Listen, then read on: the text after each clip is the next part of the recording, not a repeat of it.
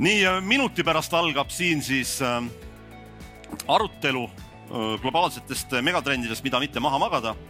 ja need mehed, keda ma siia, siia enda ette, siia teie ette kutsun, nad juhivad ennast ise neid modereerida, minul ei ole vaja. mina lähen siis lähen vaatan, mis, mis asja see Madis seal joob.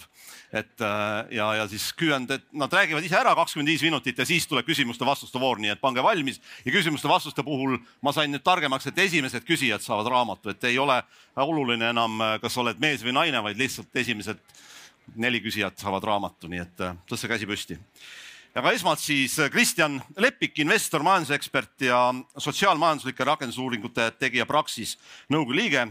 Kristjanil on kogemusi nii era- kui avalikus sektoris, ta on aidanud üles ehitada LHV-d ja startup ettevõtet Teleport ning töötanud Arengufondis. ja tema partneriks siin on Taavi Kotka, ettevõtja ja ingelinvestor, töötanud Majandus- ja Kommunikatsiooniministeeriumis ide- ja riigi infosüsteemide asekantslerina tar, tarkvaraarendusettevõtte Nortal juhatuse esimehena ning Eesti Infotehnoloogia ja Telekommunikatsiooni Liidu presidendina. nii ja globaalsed megatrendid, palun mõlemad siia. Et äh, ma palun teie ees ka vabandust, et päike on äh, täna väljas, aga peame vastu.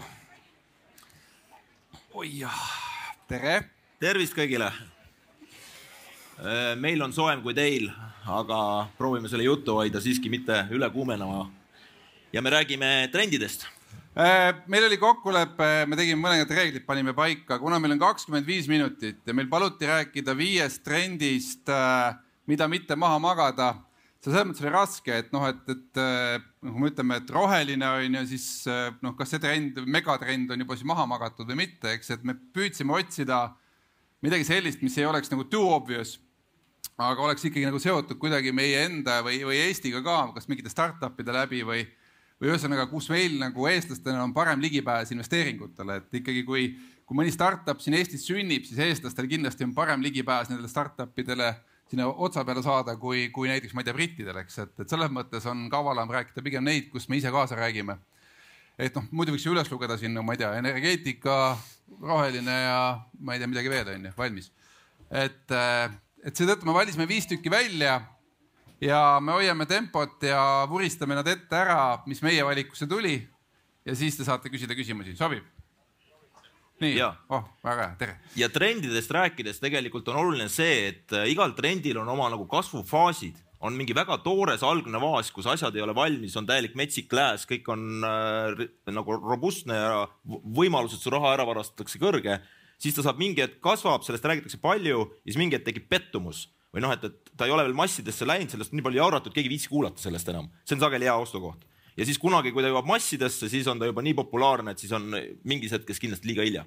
ma ostsin kunagi viie tuhande euro eest endale Bitcoin'e äh,. tol hetkel maksis kakskümmend eurot Bitcoin, sain kakssada viiskümmend tükki. osavamad arvutavad praegu onju siis varastati nad ära, sest MT Cox läks pankrotti, noh pankrotti ühesõnaga see keskkond, kus me neid siis müüsime või hoidsime, et seda keskkonda enam ei ole. Mistõttu nagu tulemuseks oli üks suur ümmargune metsik lääs, eks, et noh, nõuandjaid on alati palju ja me täna püüame ka, me püüame lihtsalt pigem nagu märgata midagi, mis on huvitav trend, aga me kindlasti ei ütle selliseid asju, et davai, ostke Ethereumi onju. et kes seda tahab kuulata, et siis minge sinna iduplokki, seal öeldakse teile, millist idu tuleb osta. aga küll, aga me aga räägime... mu ehitaja küsis mu käest, et mis ma arvan krüptovaluutadest mistõttu mul oli kohe, et müü seda ka grillpidudel olen mina palju kuulnud ja see on siis vältimatult esimene teema. Et, nii, Kristjan alustab. nii, ja me räägime täna teile ka oma praktilisest kogemusest palju selliseid ettevõtteid nähes e, ja mõne praktilise näitega ka, et see trend ei ole sihuke üldine, vaid pigem konkreetne ja kui räägime krüptorahadest, siis äh, ausalt öeldes seal oli ka see, kui sina ostsid, see oligi metsik lääs, on ju, ja, ja, ja kaks tuhat seitseteist näiteks, kui see mull ka nagu natuke lõhki jooksis, siis tegelikult reaalselt rakendusi ei olnud krüptos palju. Täna on, täna hakkavad need tekkima, viie aasta pärast on veel rohkem nii et kui küsime, et millest me üldse krüptost räägime, siis äh, Bitcoin ja Ethereum on valuutad justkui nagu, nagu raha parkimise instrumendid mõneti või väärtuse säilitajad ja need projektid, mis sinna peale ehitatakse, need on nüüd praktilised ettevõtted. ja mis minu jaoks on väga huvitav, on kindlasti DeFi maailmas toimuv, kus finantsteenuseid tegelikult viiakse juba selle Ethereumi või selle smart contract'i peale. ja, ja üks termin, mida tasub meelde jätta, on DAO, mis on siis äh, eesti keelde öeldes ka detsentraliseeritud autonoomne organisatsioon ehk ettevõte, mis on äh, paika pandud nagu targa lepinguga ja see ettevõte tegelikult ei otsustagi nii palju jooksvalt, kõik on algoritmiga paigas. näiteks kuidas raha deponeeritakse, mis intressi saad, see võib kõikuda, aga see toimub algoritmi alusel. ja need ettevõtted on tekkinud nüüd viimase aastaga võib-olla väga palju, see on peamiselt finantsis, aga ma arvan, et seda juhtub igale poole mujale. ma teen ühe praktilise näite ka et äh, te ilmselt paljud olete näinud, mis toimus ka see aasta Redditi foorumite baasil, kus Ameerikas investorid kogunesid kokku, massiivselt hakkasid aktsiaid koos üles push ima, foorumis keegi kirjutas, teised tormasid järgi ja siis see, kes esimesena sisse läks, teenis palju raha ja kõik need järgi teeninud ilmselt pigem kaotasid. nii see käib, aga selle TAO abil sa saad öelda, et okei okay,, lähme seda ettevõtet näiteks päästma, GameStop või AMC, olgu ta midagi muud, aga me lepime ennem tingimused kokku et kõik lähme koos sisse ja kunagi toimub hiljem distributsioon ka võrdselt ja seesama DAO juhib kõike seda ja see on lepinguga selle Ethereumi baasil nagu näiteks lukus hästi kiire kommentaar selle punkti lõpuks, et äh, veel kord, et miks me sellest krüptost äh,, miks me ta välja toome kui megatrendi, ongi see, et äh, noh, seda Ethereumi ja Bitcoini juttu te olete kuulnud söögi alla, söögi peale. aga kogu selle krüptomaailmaga tulevad ikkagi täiesti uued ärimudelid, äh, mis ei ole veel nii-öelda paisu tagant valla pääsenud noh, NFT-d näiteks või see, mismoodi kunstnikud müüvad või muusikud müüvad oma loomingut, et äh, see ei ole paisu tagant lähiajal pääsenud. see metoodika või mõtteviis, et ma müün maha sulle oma maali ja täna, kui Kristjan joonistab maali, mina ostan ära, nüüd on see maal minu oma, eks. panen oma seina peale, kui ma tahan edasi müüa, see on minu asi. ja kas sa lõikad oma kõrvu või mitte, noh, see on sinu huvi, aga see on minu maal, onju. et, et need mudelid muutuvad selliseks, et noh kuni sinnamaani välja, et, et ma ei tea, sulle jääb alati viis protsenti alles sinu maalist ja kui ma selle edasi müün, siis ka sina saad ikkagi jätkuvalt oma viis protsenti, eks. või see, mismoodi sa paned äh, muusikast mingeid lõike näiteks erineva hinnaga, et näed, refrään on selle hinnaga, aga salv on, salm on igavam, salm on odavam, onju et ühesõnaga, et see, see avab nagu täiesti uusi äh, äh, nii-öelda äritegemise võimalusi ja, ja see maailm on nii-öelda, kuidas ma ütlen, kriitiline mass on olemas, kes oskab selle peale ehitada aga hetkel need lahendused on rohkem sellised, noh, ma ise olen tarkvarainsener, ma võtaks nii-öelda sea selga sadul, et nad ei ole veel valmis, nad on nagu noh, kobavad, otsivad ja ei ole niisugust nagu pauku. ehk siis sellepärast me tooksime selle välja kui globaalse megatrendi. noh, mis, mida, mida me keegi veel ei ole maha maganud, sellepärast et midagi suurt ei ole veel toimunud ehk siis, et hoidke silm peal ja vaadake, mis sealt nagu tulla saab. ja suur on olnud hinnatõus ja näiteks kui sa Bitcoini võtad, see, kas ta järgneva viie aastaga kerkib veel, see sõltub sellest lihtsalt, kas teised inimesed ostavad seda rohkem, kui müüakse, noh, nii lihtne see turgudel ongi, onju. ja seda saab ka prognoosida, aga pigem huvitaks mind need ettevõtted, mis tekivad nende peale ja hakkavad reaalselt maailma muutma. ja ma arvan, sealt tuleb tõeline hüpe ja finantsteenused, ma arvan, et mängitakse ka väga palju ümber, et aktsiaid te ostate äh, kolme aasta pärast ka päris palju ilmselt krüptobaasil. see viib meid teise teemani juurde, globaalne megatrend, mida jälgida. Äh, siin tuleb minu kaukast nüüd siis, kui esimene oli Kristini kaukast. et äh, mida, mis juhtub usaldusega ehk siis äh, kui kõik läheb digitaalseks, äh, siis meie oleme siin Eestis harjunud sellega, et noh, paned oma Smart ID või mobiili ID ja paned oma digiallkirja ja kõik jookseb. aga Eesti on jätkuvalt ainukene riik maailmas, kes peamiselt allkirjastab digiallkirjaga. see, et DocuSign on olemas ja see, et DocuSigni börsiväärtus tänaseks on kuskil seitsekümmend miljardit äh, dollarit, on ju see on ja kusjuures, kui te ise olete allkirjastanud sellega, siis see tegelikult on niimoodi, et sa põhimõtteliselt noh, drag and drop'id mingi pildi kuskilt, et näed, et see on minu allkiri nüüd siin onju. et see probleem tegelikult maailmas on lahendamata ja probleemi olemus on, kes on seadme taga ja kuidas ma saan kindel olla, kes on seadme taga.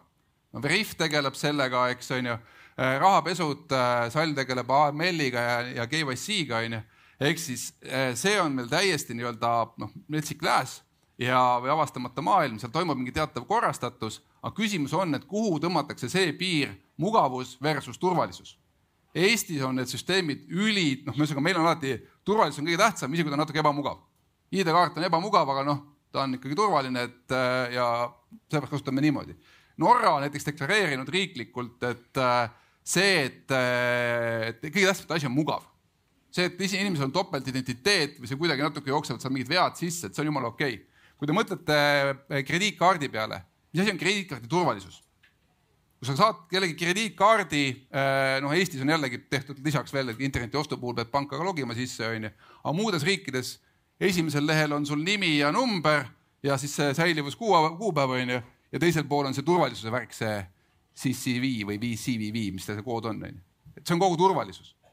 no see on jura ju järelikult see tingitab mingit froodi, see tekitab mingit pettust ja selle pettuse peab kõik kinni maksma. noh, ja see on näiteks Visa ja Masteri puhul on see umbes viis kuni kuus protsenti on ju. See kellegi taskusse tuleb, nii nüüd keegi hakkab seda ära lahendama, ehk siis ta seda viite-kuut protsenti hakatakse challenge ima, et seda efektiivsemaks saama. ja selles mõttes äh, siin äh, ei ole, noh, on kaks varianti, kas tekivad globaalsed lahendused nagu DocuSign või äh, lokaalsed lahendused, nagu meil on, ma ei tea, Smart ID, eks aga see on väga huvitav valdkond ja, ja selle areng ja miks ta on veel huvitav, ongi see, et meie enda Eesti startup'id on seda adresseerimas mitmel tasandil, noh. Eh, ID.me on USA-s, Veriff kindlasti on ju ja neid näiteid on siin veel ja kõik, mis toimub selle GOC-ga, Salv kindlasti, eks. et äh, hoidke selle valdkonna silma peal, et see on väga huvitav, mis sealt nagu tulema hakkab. okei okay ja sina, mis sa arvad näiteks, mis siis suurt juhtub nagu näiteks usalduse mõttes maailmas, kuidas see ümber mängitakse paari aastaga nagu äh, mitte Eesti, vaid siis laiemalt? no ühesõnaga, seal on äh, usaldusega on selles mõttes sellised lood, et, äh, et esialgu noh, ma töötan väga palju Indias ja Indias on äh, usaldus sellisel tasandil, nagu te mäletate, kunagi oli, et äh, paned oma telefoninumbri ja siis tuleb sul telefoni peale tuleb see kood ja sa pead selle two-factor'i sinna nüüd ära sisestama, onju. see on nagu kogu nagu noh, nii-öelda OTP lahendus onju. aga kui keegi sinu seadet omab samal ajal, siis põhimõtteliselt nagu saab, saab sinuna sisse logida, eks ja kuigi sa ütled neile, et kuulge, et teil on vaja korralikku identiteeti ja teil on vaja väga täpselt isikukoode ja muid asju, siis äh, tuleb ikkagi välja, et kõik riigid peavad sellel nagu, nagu, nagu, nagu selle halva tee nagu ise läbi kogema. Ehk siis selles mõttes selle usaldusega ma täpselt ei tea, kuhu ta jääb, aga ma tean seda, et kui sa korralikult ei saa aru, kes on seadme taga, siis see genereerib fraudi ja fraud tuleb kellegi poolt kinni maksta, ehk siis ta läheb, läheb teenushindadesse. ja nüüd on küsimus, kes selle ära efektiivistab, eks. nii ja võtame järgmise. Cool, järgmine punkt Ehm, üks teema, mida palju mõelnud oleme, on see, et äh, mis Covid muutis, et tegelikult mõneti minu jaoks Covid on olnud selline mõne trendiga, mis tiksub vaikselt, ta on olnud selline nagu kiirendi, mis viskab selle veel kiiremini käima. kasvõi kogu digitaliseerimine tegelikult, see on hüpanud ja ega ta väga palju tagasi ei kuku, et see trend on nagu nüüd veel hoo suureks saanud. ja ma arvan, et üks asi, mis sellega palju muutub, on töö iseloom vaadake, üks huvitav raamat oli Power of Habit, mis rääkis inimeste harjumusest, et kuidas nad tekivad ja seal oli loogika, et kui see on kaks kuud, sa midagi teed, näiteks trenni kogu aeg, siis ta muutub harjumuseks. kui sa teed kolm nädalat ja mõtled, et okei okay,, nüüd ma, siis sa ei ole su kehas sees veel. Ja eelmine kevad ma seda raamatu peale mõtlesin, et kui see Covid oleks sinna kevadesse jäänud, siis oleks piisavalt lühike olnud, et poleks eriti muutnud. nüüd see teine laine sügisest, see tegi nii pikaks, et harjumusi muudeti.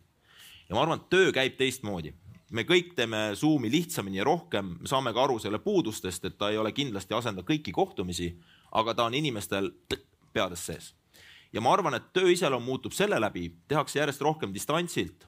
Äh, ma näen, suured ettevõtted üle maailma praegu ikkagi otsustavad, et jah, nüüd mitu järgmist aastat on, äh, kas kontoris käimine ei ole kohustuslik äh, või on siis seda osalise ajaga ja näiteks sihuke kolm pluss kaks, et kolm päeva käid, on, lepitakse kokku, esmaspäev kuni kolmapäev on kontor, neljapäev-reede ei ole see, see pigem paljudes kohtades jääb.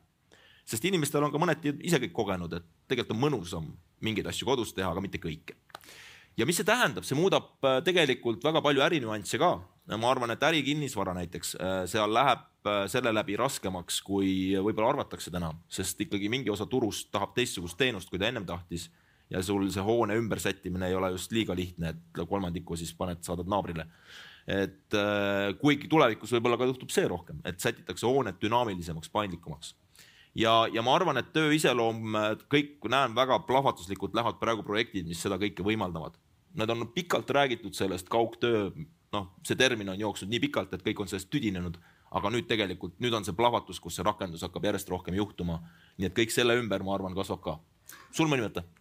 ei, sest ma ütleksin jah, et vaadake sinna juurde, et mis siis on need äh, ettevõtted või aktsiad, mis seda kasvu nagu toetavad, et noh, sama DocuSign käis siit juba läbi, eks, et äh, kindlasti tema DocuSignil praegu globaalset konkurenti ei ole, et äh, et, et selles mõttes nagu tasuks nagu võib-olla nimekirja panna, et jälgida lihtsalt, eks, et äh, nii. järgmine, järgmine teema äh, ühesõnaga, kui siiamaani alates seitsmekümnendatest äh, infosüsteemide puhul äh, tegeleti peamiselt äh, andmete kogumisega, erinevate registritesse panekuga, siis tänu nüüd arvutusvõimsuse kasvuse, kasvule, pilvedele ja kõigele muule äh, on küsimus, et äh, mis on see automaatika või mis on see otsustusabi, mis selle pealt äh, noh, kui need andmed on registris, kuidas me sealt midagi kasulikku teeme, et okei okay,, kogusime küll kokku, aga no ma ei tea kuidas näiteks äh, viiendate klasside õpetatav äh, õppematerjal mõjutab nende tulevikupalka. et noh, põhimõtteliselt me suudaksime sihukest asja nagu challenge ida ja analüüsida ja vaadata, aga noh, keegi ei viitsi veel teha, onju, et noh, et, et keegi nagu ei julge või pole, alustanud. ja seda hakatakse järjest rohkem tegema ja sellega seoses äh, kaovad jätkuvalt ära mingid teatavat tüüpi äh, töökohad. Äh, no me oleme kõik sellest aru saanud, et näete, et siin tulid Boltid ja Woltid ja, ja see nagu pani kohe mingi paugu teatavatele sektoritele Äh, Covid tule, tuli äh, Hispaanias kõvasti digitaalsemaks näiteks, pani jälle nagu teatavad sektorid nagu uutmoodi käituma, uutmoodi mõtlema. et siis sama asi, kui sa oled näiteks täna raamatupidaja, siis mina ütleks küll kohe, et hakake uut ametit otsima või uut ametit õppima. Ehk siis äh,. midagi positiivset teile. midagi positiivset tänaseks päeva jah, et, et selles mõttes, et kui sa oled arvanud, et sinu amet on nagu igavene ja see on täiesti safe ja sellega ei saa mitte midagi juhtuda siis automatiseerimine tahtmatult jõuab meie kõigini ja ta jõuab selles mõttes äh, ikkagi nagu nii-öelda masinate fookusega. et äh, no võtame sellesama nagu Starshipi näite, Eesti enda startup, eks on ju. Äh, miks on Starshipi robot parem kui näiteks Bolti või Wolti kuller? Noh, Eestis vahet polegi väga, onju, aga USA-s on väga suur teema, on tippimine. ehk siis robot ei võta tippi, eks ei küsi su käest tippi, sa ei pea nagu ja robot ei küsi miinimumpalka ehk siis kuni mingist hetkest on see moment, kus roboti tootmine on selgelt odavam, kui maksta miinimumpalka, anda mingeid sotsiaalseid tagatisi. no vaata, Boltil on väga suur probleem kuskil Londonis, inimesed nõuavad, et andke meile sotsiaalsed tagatised, onju.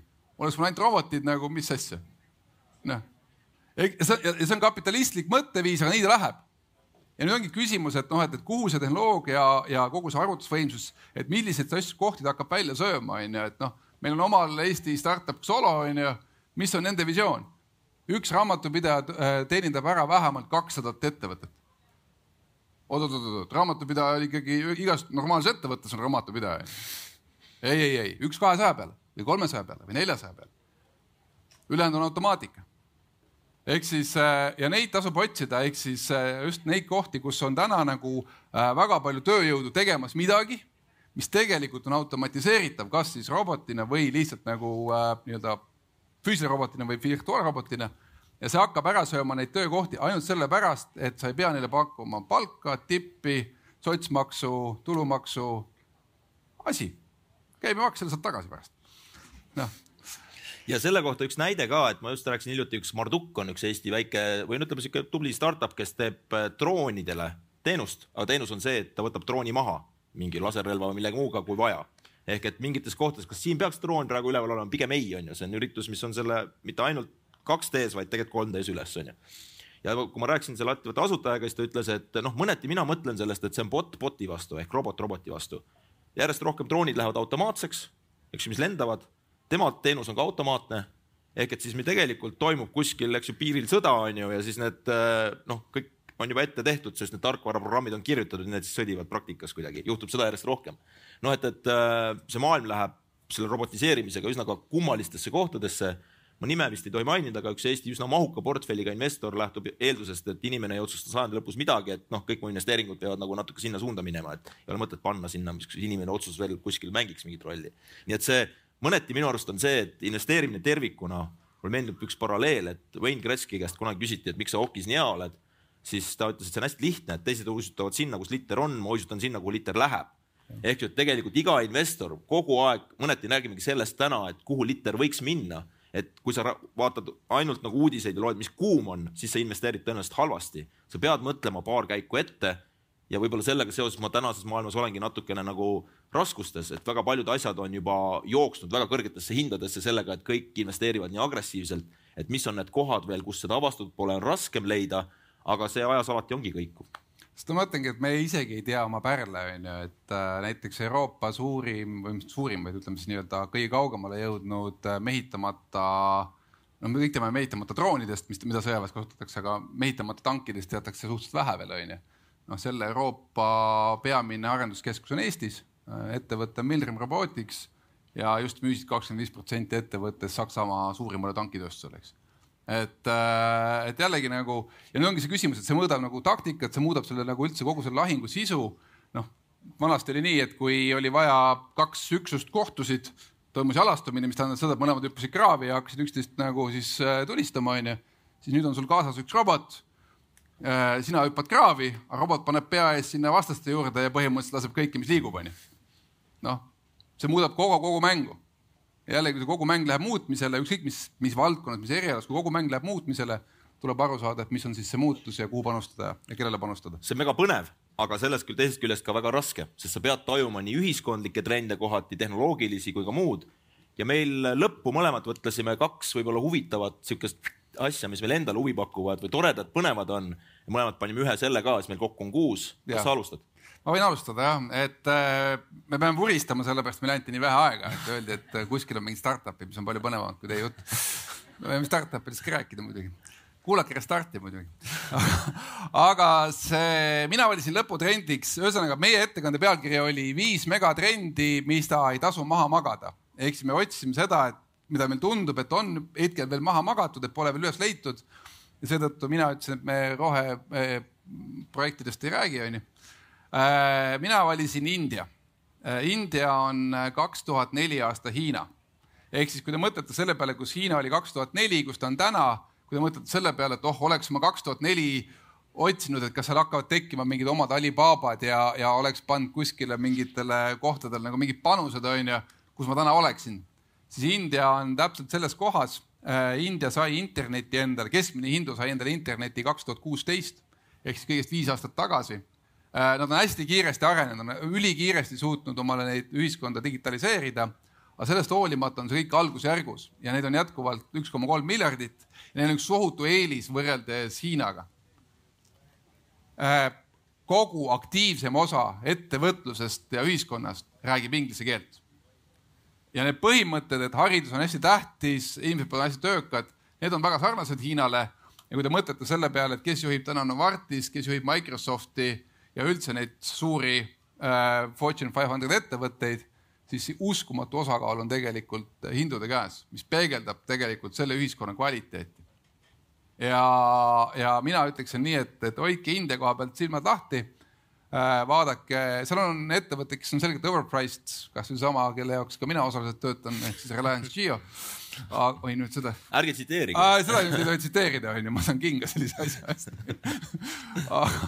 aga ühesõnaga, et, et, et seal on kindlasti väga palju pärle, et ta on, ta on, ta on küll demokraatlik ühiskond, aga ütleme nii, et see on väga palju samasugust kleptokraatiat nagu on Hiinas.